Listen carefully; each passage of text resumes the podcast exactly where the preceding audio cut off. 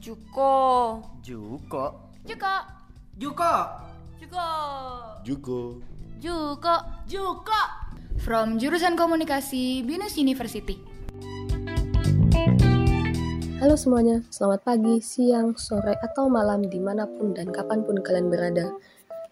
Ini adalah sebuah seni bersikap bodoh amat, karya Mark Manson.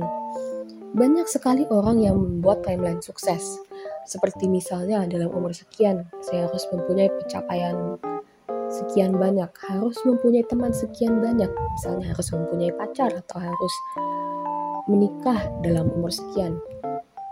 Sebenarnya apa sih yang membuat kita merasa harus mencapai semua itu atau membuat timeline itu di awal?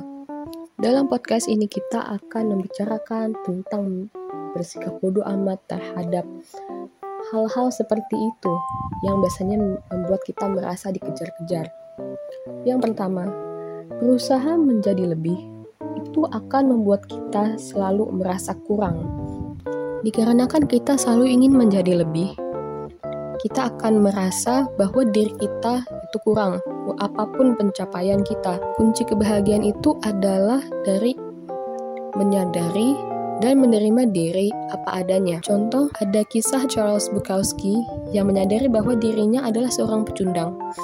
Tetapi dia menerima dirinya dan tidak berusaha menjadi orang lain. Karena itu, kunci bahagia adalah menyadari apa yang sebenarnya penting dan tidak mengejar hal-hal yang lain. Yang kedua, hidup pasti ada masalah. Contohnya yang sering kita lihat di saat ini. Orang yang tidak pacaran atau bahasa sehari-harinya jomblo. Orang yang jomblo ingin pacaran karena merasa kesepian dan merasa sendiri. Sedangkan orang yang pacaran ada banyak yang merasa risih dan merasa tidak bebas karena itu mereka ingin menjomblo. Seperti peribahasa the grass is always greener on the other side, secara biologis otak kita itu meman- eh, merasa tidak puas, tetapi itu tidak sangat tidak hanya buruk saja. Karena perasaan tidak puas ini zaman terus berkembang. Contohnya perkembangan teknologi yang sangat pesat di zaman ini. Tetapi karena itu, otak kita selalu memikirkan tentang kesedihan dan ketidakenakan yang tidak yang kita punya. Da, tetapi eh, sangat memandang orang lain, kita memandang kebahagiaan yang mereka punya. Karena itu kita harus menyadari kebahagiaan-kebahagiaan yang kita punya dan menyadari bahwa kehidupan orang lain itu tidak hanya bahagia, mereka seperti kita memiliki kesedihan, memiliki hal-hal yang tidak enak kita saja yang tidak melihatnya. Yang ketiga, hidup tidak harus mempunyai pencapaian yang besar.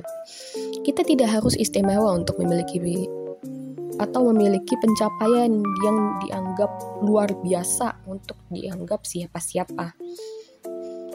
Sebenarnya semua ini tidak harus jika ingin dianggap siapa-siapa.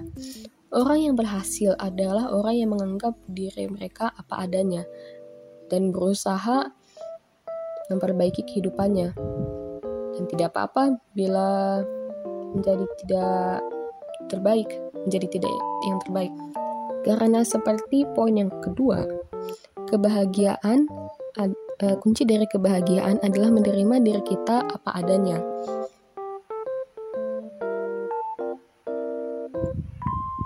Yang keempat, kita harus berhenti menyalahkan orang-orang lain dan hal-hal lain untuk kesalahan yang kita lakukan sendiri. Contoh, misalnya kita telat ke sekolah atau ke kampus atau ke kantor dan kita malah menyalahkan lampu merah yang ada padahal itu bisa jadi salah kita sendiri mengapa kita bangun telat. Memang iya manusia tidak bisa mengatur apa yang terjadi kepada dirinya, tetapi kita bisa mengatur cara kita menghadapinya. Dan yang kelima, kayak masalah, hidup gak mungkin ada gak mungkin tidak ada masalah tetapi kita bisa sedikit demi sedikit mengurangi kesalahan itu dari mempelajari kesalahan-kesalahan yang kita buat di masa lalu dan sedikit demi sedikit kita akan menjadi orang yang lebih baik yang keenam, kegagalan adalah kunci kesuksesan. Karena di saat kita gagal, kita mempunyai perasaan yang tidak enak. Nah, perasaan yang tidak enak itu membuat kita ingin lebih berkembang dan menjadi orang yang lebih baik. Dan dengan itu, kita akan sedikit demi sedikit mendekati kesuksesan. Yang ketujuh, berkata tidak itu belum tentu buruk dan belum tentu itu kita egois. Mungkin mengatakan iya itu bisa menghindari menyakiti perasaan orang lain. Tetapi bisa saja membuat kita merasa dikejar-kejar secara emosional, harus selalu mengiyakan mereka karena merasa tidak enak. Dan jika ia jika kita tetap memaksakan diri untuk mengatakan iya walaupun kita tidak bersungguh-sungguh, itu bisa jadi akan membuat konflik di hari yang akan datang. Yang kedelapan, banyak orang yang mengejar proyek keabadian. Apa itu proyek keabadian? Proyek keabadian adalah eh, orang yang berlomba-lomba untuk meninggalkan jejak di dunia supaya tetap diingat walaupun mereka sudah tidak ada. Karena kehidupan manusia yang pendek. Sebenarnya untuk apa eh, meninggalkan jejak? Seperti yang sudah dikatakan sebelumnya, kunci dari bahagia adalah merasa cukup, dan kita tidak perlu meninggalkan jejak di dunia. Dan pembahasan kita sudah sampai akhir. Pesan dari podcast ini adalah untuk memberitahu bahwa kita memiliki kontrol yang lebih besar dari yang kita kira dalam hidup kita. Mulai dari menerima apa adanya sampai memilih respons terhadap apa yang terjadi kepada kita kita harus pilih apa yang membuat kita bahagia dan berhenti melihat rumput tetangga, terutama membanding-bandingkan diri kita dengan mereka. Sampai jumpa di lain hari.